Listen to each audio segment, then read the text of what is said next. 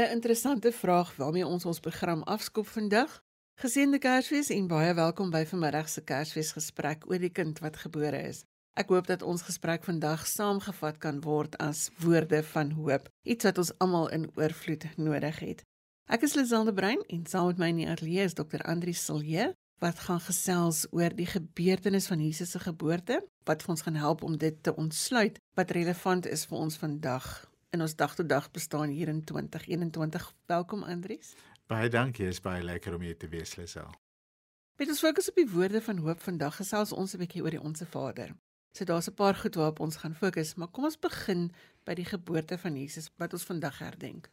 Ja, dit is vir my altyd 'n uh, so wonderlike tyd om te dink oor jou geloof, oor wat dit beteken dat Christus gebore is, dat die seun van God mens geword het vir ons. 'n Mens kan baie sentimenteel daaroor raak, die oor die babatjie uh, in die krib en so aan en die engele en die herders en alles. Jy kan 'n baie sentimentele prentjie daarvan maak en ek moet eerlik sê ek is nie vry van daai sentiment heeltemal nie. Ek uh as ek met 'n kerssang die stille nag sing, roer daar iets in my. Dit kan ook natuurlik 'n baie sekulêre ding word, 'n fees waar mense net wat dit net gaan oor geskenke en so aan. Maar ek dink vir ons as Christene is hierdie wonder dat die seun van God mens geword het en dat hy ons lewe kom lei het, dat hy ons dood kom sterf het, dat hy vir ons kom oorwin het en dat hy bereid was om so nederig in die wêreld in te kom. Dit bly vir my aan die hart van my geloof uh, dit gee hoop maar dan nie 'n goedkoop soort hoop nie nie 'n hoop van alles sal regkom nie maar die hoop dat God op 'n verrassende manier werk daaraan om hierdie wêreld vir ons heel te maak en om ons as mense heel te maak Wanneer ons bid onsse Vader wat in die hemel is en ons het nou net geluister na die lirieke van die liedjie van Pentatonix oor Mary did you know when you kissed this little baby's face dat hy eendag die grootte God gaan wees. Dis 'n groot konsep om te verstaan. Ja, die Bybel praat natuurlik oor verskillende maniere oor die hemel. Ek hou nog steeds daarvan uh dat die Heidelbergse Katekismes wat nou nie seker so gewilde dokument is teenoor mense vind dit vervelig of verouderd, maar die Heidelbergse Katekismes vra die vraag wat bedoel ons met die gebed ons Vader wat in die hemel is? En dan kom die antwoord dat ons nie aards moet dink oor God se hemelse majesteit nie. Uh dat ons moet besef God is altyd groter. God is altyd wonderliker as wat ons kan dink. Uh, God gaan ons begrip te bowe, jy's in sy liefde, jy's in sy genade en in die vrede wat hy vir ons gee. Maar hier kan ons aards dink oor God se majesteit, want die majesteit van God word geopenbaar in Bethlehem in 'n stal. Uh, kan ons dink daaraan as iets wat afgekom het aarde toe, wat sigbaar geword het aarde toe op 'n manier wat geen mens uh, sou kon voorspel en wat nie in ons eie hart of gedagtes sou opgekom het nie. En wat amper 'n een eenvoud het wat ons nie kan verstaan nie. Ja, veral as 'n mens dink daaraan dat uh die onsse Vader gaan ons nou verder om te praat oor laat die koninkryk kom en dat ons tog Jesus bely as die koning, as die koning wat gebore word vir ons wat dan gekontrasteer word in die Kersverhale in uh, Matteus baie sterk met Herodes, Herodes wat met moorddadigheid vasklou aan sy mag en posisie, en Lukas aan keiser Augustus wat koud en op 'n afstand bevele uitreik en dan moet gewone mense moet nou maar rondskarrel maakie saak wat hulle lewensomstandighede is nie. Maar teenoor hierdie aardse in die negatiewe sin van die woord koning staan nou wat vir wie dit gaan om mag en om beheer word die koning gebore as 'n weerlose baba in 'n krib wat 'n vlugteling word wat uitgelewer word aan mense wat versorging nodig het uh met die eenvoudige platlandse egpaar as sy ouers. Uh en dis die misterie is hierdie omkeer van van die wêreld van uh magtiges wat van hulle troon afgeruk word soos Maria sê en behoeftiges wat opgetel word en in 'n ereplek gesit word. Dis die wonder van Kersfees vir my. Dit voel vir my of dit ook spreekwoordelik is van ons lewe. As ons daai eerste tree gee en as ons eintlik die situasie waarin jy is kan verander. Kan ons dit so deurtrek na ons eie persoonlike lewe toe om te sê jy hoef nie hopeloos te wees nie want daar kan verandering wees. Ja, as jy mens natuurlik dink oor die gebed laat die koninkryk kom. Ek dink dis daai versigtiging dat God tog dinge anders moet maak, né? Ek dink uh vir die mense van daai tyd soos vir ons maar eh, is dit hierdie vraag as jy kyk na al die ellende in die wêreld. Ons was nou in daai 2 weke weer van uh, teen geweld teen vrouens en kinders en uh mense kyk na die statistiek daar rondom en kom maar 'n soort van opstand in jou op en jy voel maar kan God nie net die dinge anders maak nie? Kan God nie die wêreld heel maak nie? Baie keer natuurlik bedoel ons maar kan net nie maar vir my heel maak. Vir my maak soos ek dit wil hê nie. En dan sê die Kersverhaal vir ons maar God doen dit. Maar hy doen dit op 'n manier wat ons nie begryp nie. God kom om 'n verandering te maak, maar hy kom nie met die mag van Herodes nie. Hy kom nie met die geweld of die beheer van Augustus nie. Hy kom met die nederigheid van liefde. Hy kom as een wat aanspraak maak op ons liefde maar wat ook liefde tot die uiterste kom gee. En so maak hy ons heel en so maak hy anders heel en ek het so ruk terug uh, in my gemeente ook gesê dat al loop alles skeef, daai wonder dat ons uit God se liefde in liefde kan lewe. Daai roeping ook, dit gaan nie van ons af weg nie.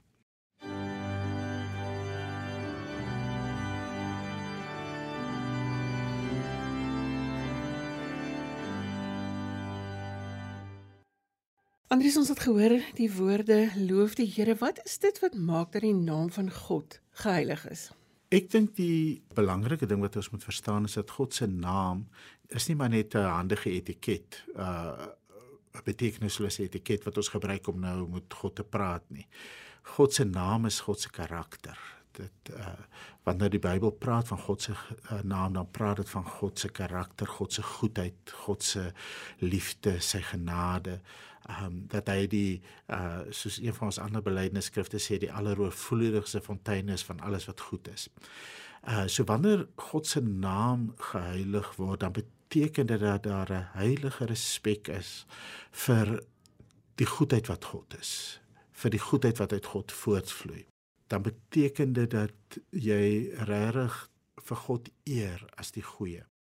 Nou uh die hartseer ding natuurlik is dat mense baie keer dan dink maar om God se naam te eer moet ons nou uh, beklei vir God se eer. Ons moet God op 'n manier verdedig en ek dink baie keer ons as Christene raak op ons lelikste as ons dink ons God se eer op 'n manier moet verdedig. En as ons dink maar dit beteken nou ons moet beklei teen mense wat anders dink of anders doen as ons en so aan.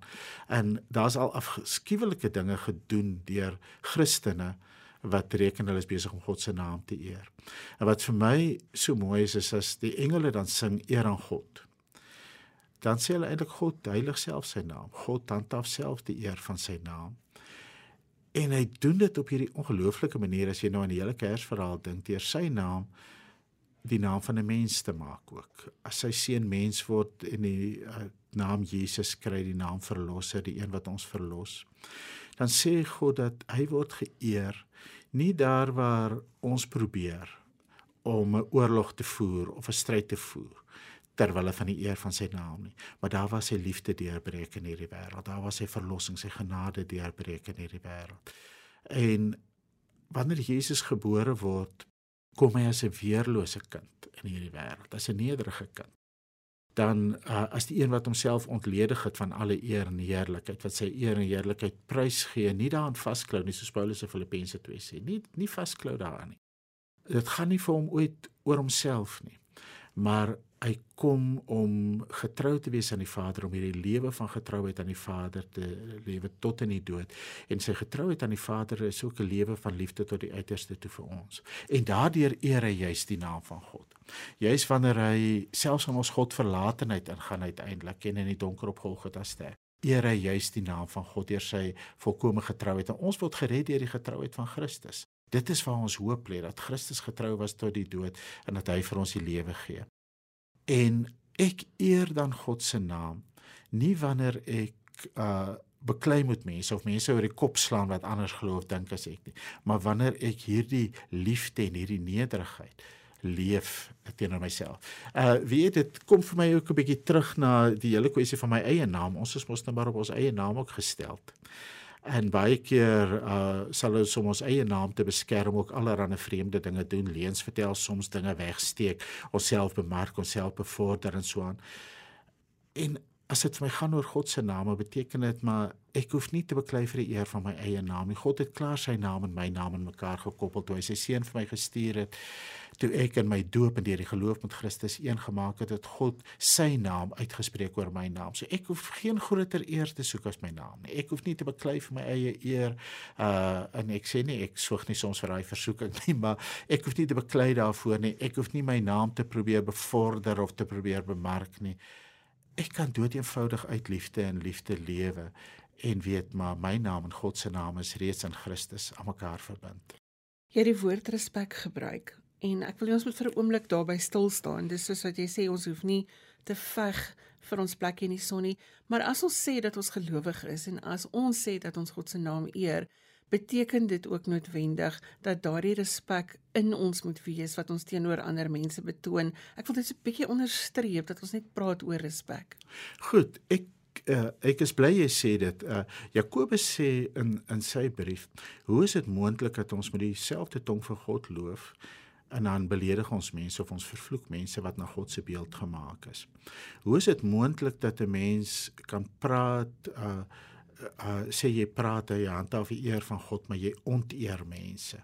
Paulus as hy oor die nagmaal praat in 1 Korintiërs 11 uh sê maar julle vier nie die nagmaal nie want julle is besig om die gemeente van Christus te onteer en hoekom? Omdat julle armes beledig omdat julle armes verneder. So as ek God se naam eer as die bron van alles alles wat goed is, ook die bron van ons bestaan.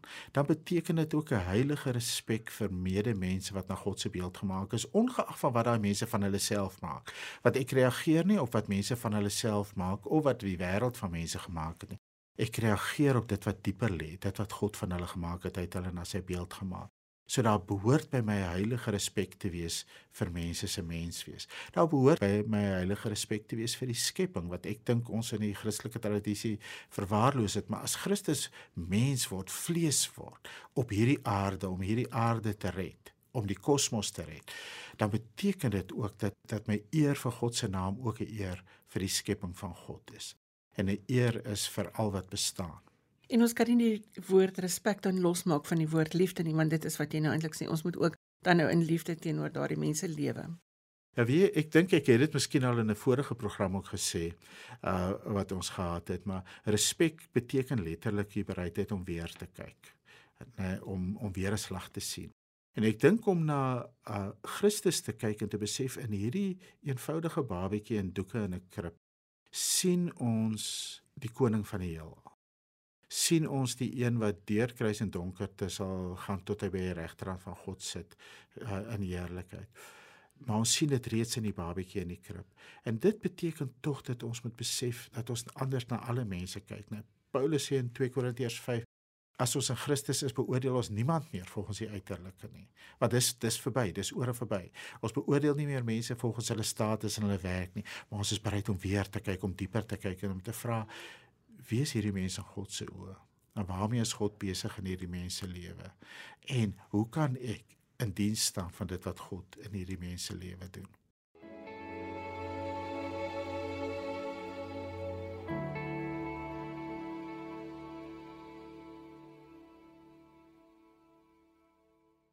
Jy is ingeskakel op RSG 100 tot 104 FM. Ek is Lizande Brein en ek gesels met Dr. Andri Silje oor Jesus se geboorte, die andersoortige koning wat hoop en liefde 'n nuwe betekenis gee. Andri, ons werk so deur die Onse Vader wat vir my so 'n soort van die die groot ding is van hierdie baba wat gebore is en die pad wat dit geloop het tot by die hemel. As ek nou praat oor vrede op aarde, dan gaan iemand vir ons vra watter vrede? Ja, natuurlik, want as ons uh rondom ons kyk dan voel ek meer om soos Jeremia te sê, hulle praat van vrede, vrede, maar daar is geen vrede nie. Uh maar vrede is 'n baie omvattende woord in die Bybel. Uh, vrede, miskien moet ek eers dit sê dat ek glo dat wanneer um uh, Jesus ons leer om te bid, laat die wil geskied soos in die hemel, so ook op die aarde. Dan gaan dit juist daaroor dat daar vrede op aarde sal kom. Dit gaan jy so dit wat die engele sing, vrede op aarde wat in Jesus Christus kom. God se wil gebeur daar waar vrede gebeur. Dis God se wil vir ons. Uh van die begin af, die Ou Testamentiese Shalom is God se uiteindelike wil vir die mens. Dis God se wil vir sy mense, vir elkeen van ons. Maar jy kan daai vrede op baie maniere verstaan. Uh die beste manier bly vir my nog maar steeds om te sê dat vrede is is wanneer alles in harmonie is met mekaar. So vrede is nie net beteken nie net ons beklei nie nou nie, maar dit beteken ons 'n regte diep harmonie waarin ons die lewe met mekaar deel, waarin ons die lewe met God deel, waar ons harmonie is met onsself en harmonie met God en harmonie met ander mense en in harmonie met die skepping. En daardie vrede is mos nou nie hier nie dat ons lewe in 'n wêreld vol geweldige disharmonie. Uh mense beleef disharmonie met hulle self, mense beleef disharmonie uh met mekaar op verskriklike maniere en van asof die polarisasie tussen mense amper die afgelope tyd nog erger geraak het. Ons het die disharmonie met die skepping wat in die uh, ekologiese krisis na vore kom en dit alles dui tog ook op 'n baie diep disharmonie met God. As God se wil vir ons uh vrede is, dan moet ons sê maar as ons nie in vrede lewe nie, is ons mos in disharmonie met God. Dan bid ons juis laat U wil geskied in die hemel soos ag op die aarde soos in die hemel. Juis omdat ons weet maar dit is nou nie waar nie. Die wil, God se wil geskied nie hier op aarde soos in die hemel nie. Nou as onvrede disharmonie beteken. Dit beteken goed te stikken. Dan is God se vrede dat hy goed heel maak. En 'n mens kan nou goed heel maak op verskillende maniere en ek wil nou terugkom na uh, keiser Augustus en Lukas. Uh hulle het destyds gepraat ook van uh die vrede van Rome, die Pax Romana. Nee, en keiser Augustus het homself beroem daarop dat hy die vrede be, uh gebring het, maar hy het dit gebring met mag, hy het dit gebring met die swaard, hy het dit gebring met die uh uh verowering deur die Romeinse ryk en die wet en orde wat hulle met die swaard aan uh, gehandhaaf het. Ehm um, en die kenmerkende van daai vrede is dat daar altyd wenners en verloorders is. Trouwens die kenmerkende dink ek oor die algemeen van ons uh pogings om vrede te maak is daar's maar altyd wenners of verloorders. En dit kan op 'n klein skaal wees in my huis dat uh dat ek probeer om my wil af te dwing en dan moet my vrou verloor, ek wen of sy moet wen, ek moet verloor of so. Maar maar dit word hierdie stryd amper. En as iemand gewen het, dan is daar nou vrede. En dan kom Christus as die een wat 'n ander soort vrede maak, die een wat op 'n ander manier kom heel maak. En hy kom doen dit nie deur te probeer wen nie, ook nie deur te probeer om te verloor nie, alhoewel hy vir 'n oomblik lank in die oë van die wêreld te verloor is aan die kruis, maar deur 'n ander spel te speel. Hy speel 'n heeltemal 'n ander spel waar dit nie gaan om wen of verloor nie, waar dit nie gaan om uh uh Mag en beheer nie, maar waarin dit gaan daarom dat mense deur die almag van God, deur die genade van God heel gemaak word. En daai heelmaakwerk kom in sy wonderwerke deur, in sy genesings, dit kom deur uh, wanneer hy die storm stil maak, dit kom deur in vergifnis waaroor ons later gaan praat wanneer verhoudings herstel word. Maar dit kom veral deur in die versoening wat hy dan tussen God en mens kom bewerk dat hy God en mens weer bymekaar bring dat hy mense weer bymekaar bring en hy stel ons in diens van daardie heelmaakwerk. So as jy vir my vra watter vrede, dan sê ek die vrede wat God, die verzoening wat God in Christus vir ons gegee het waarvan ons die bedienaars word op allerlei maniere. Dit gaan oor vrede vind in myself uh wat terselfdertyd ook beteken ek moet loskom van myself baie keer of dis hoe ek dit ervaar het ek hoe hoe vryer ek van myself word en van my ego en van my begeerte om my eie naam te handhaaf van hierdie tipe goeters hoe meer vrede het ek. Vrede in verhoudings wat 'n voortgaande proses is in hierdie lewe. Ons moet maar altyd weer uh dis soos kombuis skoon maak nee jy jy dink net die kombuis is aan die kant dan staan die vuil koppies in die skorrel goed weer dan begin jy maar weer van voor af aan maar vrede ook in groter verbande. En ek dink dit dat ons vir onsself moet sê dit is ons taak hier op aarde om in 'n wêreld waar mense breek te strewe na die maak van vrede. Nie een van ons kan hierdie vrede hierdie taak op ons eie doen nie. Nie een van ons kan hierdie taak voltooi nie. Dis hoekom ons bid dat God dit doen dat hy dit wat hy in Christus begin het sal deurvoer en sal voltooi tot die einde. So nie een van ons kan daai taak op ons eie doen nie. Ons hoef ook nie daai las hoef ek gelukkig nie op myself te laai nie. Maar ook nie een van ons staan buite daai taak nie. Nie een van ons kan aftree uit daai taak nie. Dit bly 'n lewenslange roeping om vredemakers te wees.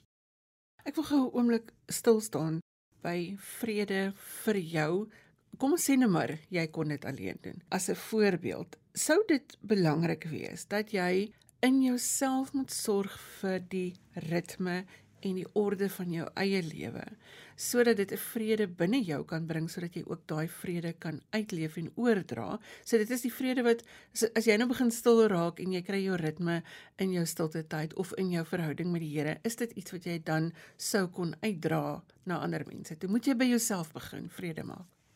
Wel, ek ek dink as jy as daar nie vrede in jouself kom nie, dan uh gaan jy baie moeilike vredemaker wees want wat ek ervaar elke keer as ek sien nou maar uh, op 'n klein skaal 'n uh, man en vrou is nou vir mekaar kwaad en ek tree nou as vredemaker op.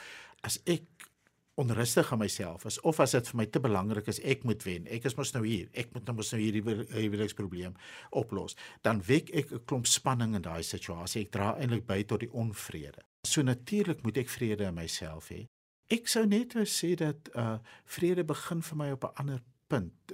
Dit wat die uh Bybel beskryf as weergebore Paulus wat sê Christus wat gestalte aanneem in ons. Uh daar's 'n ou kerklike tradisie wat sê dat Christus wat in Bethlehem gebore word, moet ook in jou hart gebore word. Uh uit hierdie werk van die Gees. Dit is nie iets wat jy bewerk nie, maar dat Christus in jou hart gebore word. Hierdie wete dat dat God na my toe kom en sê, "Maar ek het reeds vrede gemaak met jou." Ek het reeds vir jou ingesluit my vrede. Glo dit net. Omhels dit. Vat hierdie vrede. En God wat dan oor my hart en gedagtes die wag hou, miskien moet ek daarby uitkom. Paulus wat sê uh, aan die een kant vir ons hierdie belofte dat God met sy die vrede in Christus wat alle verstand te bowe gaan oor ons hart en gedagtes die wag hou. Ek dink altyd daaraan as my gedagtes wil weghardloop as my hart oploop wil sit. Maar God hou met sy vrede die wag. Wat ook beteken hy is besig met hierdie heel maak werk hier binne in my. Hy's besig om my as mens heel te maak. Maar net in die volgende vers sê Paulus dan, maar julle moet julle gedagtes rig op alles wat goed en waar en edel is. Met ander woorde, fokus jou gedagte op dit wat God besig is om te doen. Fokus jou gedagte op die goedheid van God, op die liefde van God. En fokus doelbewus daarop, want dit is dit wat vir jou daardie vrede gee waarmee jy ook kan vrede maak. Die vrede wat alle verstand te bowe gaan. Wat liefde is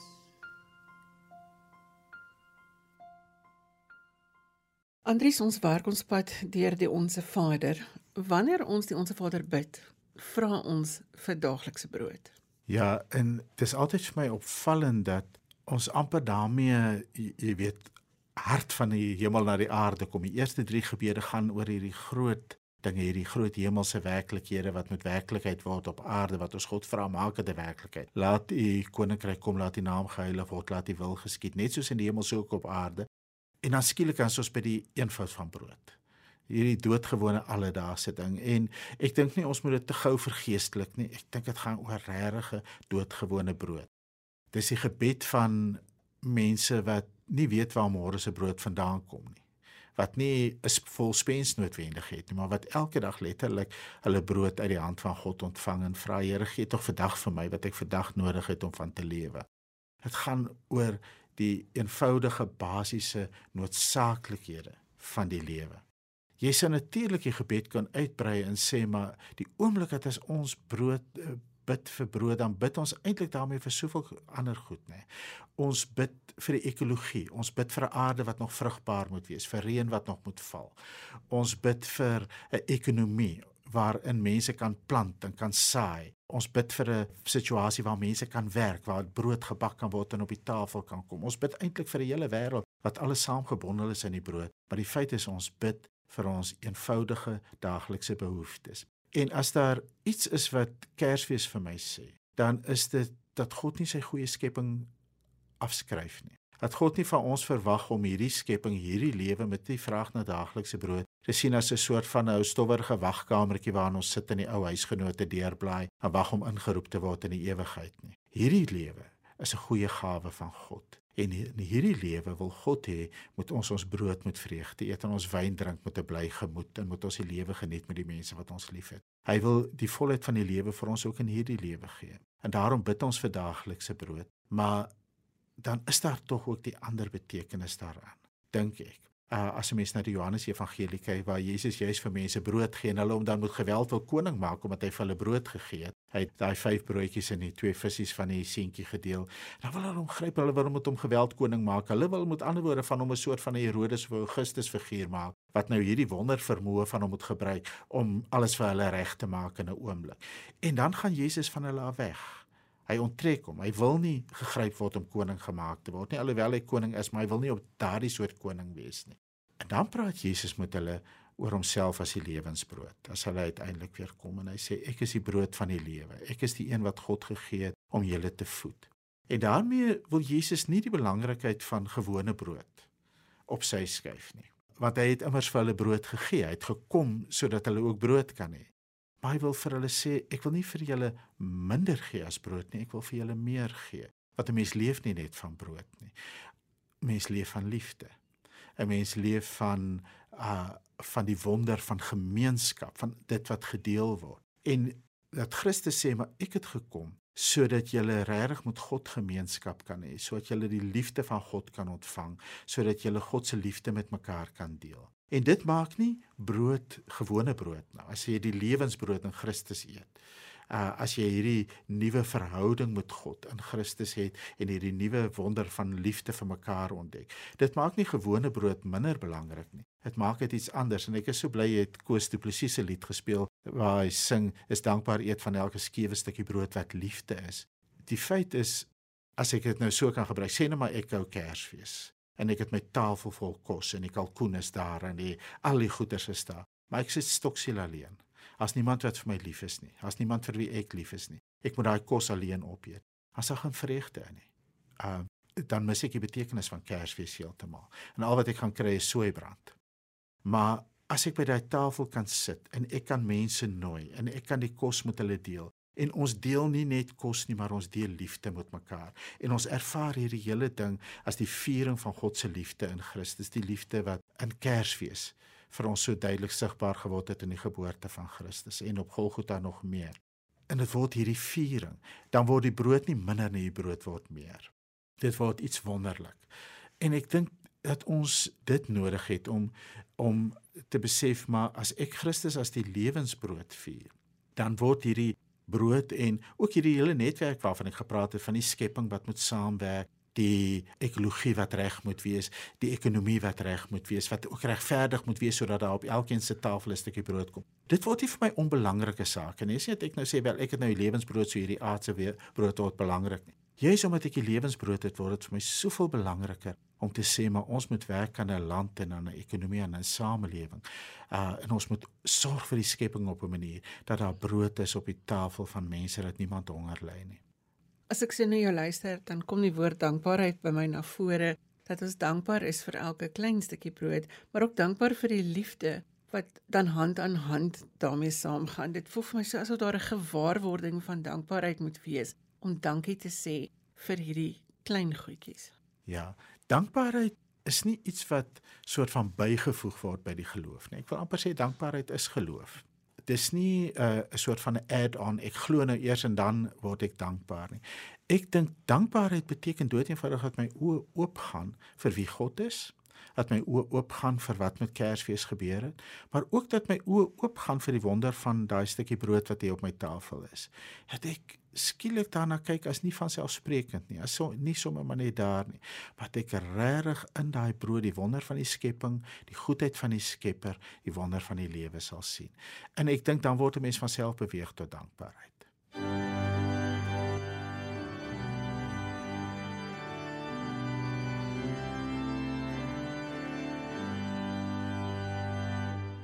Andries, ons gesprek staan einde se kant toe. Kersfees is my tyd wat ons baie gebruik maak van musiek. Praat bietjie met ons oor hierdie konsep van lofprysing van hoe dit alles bymekaar bring. Ja, dit is interessant as mense nou ook na die ons Vader kyk, net dit uh dit soos ons het geleer het eindig dit met die woorde wat aan U behoort die koninkryk en die krag en die heerlikheid vir ewig en ewig. Amen. Wat nie in die oudste manuskripte is interessant genoeg nie, maar wat iemand eers moes bygevoeg het asof hy afgevoel het maar dit dit moet nou op hierdie manier saamgevat Dis vir my amper asof iemand eers die manuskrip oorgeskryf het en en so opgewonde was oor hierdie gebed van Jesus dat hy nie anders kon as om te sê aan U oor die koninkryk en die krag en die heerlikheid vir ewig en ewig. Amen. Dit is ook vir my die wonderlikste woorde om te sing. Uh lofprysing is natuurlik die Kersverhale vol. Veral soos Lukas dit vertel, nee, almal sing. Uh Elisabeth sing, uh, Maria sing, Sagarias sing en dan sing die engele en uiteindelik juig en sing die herders ook. Dis dis hierdie vreugde wat inbreek in hierdie wêreld. Uh daarom is Kersfees inderdaad ook vir ons 'n tyd van sing, uh van sing tot eer van God.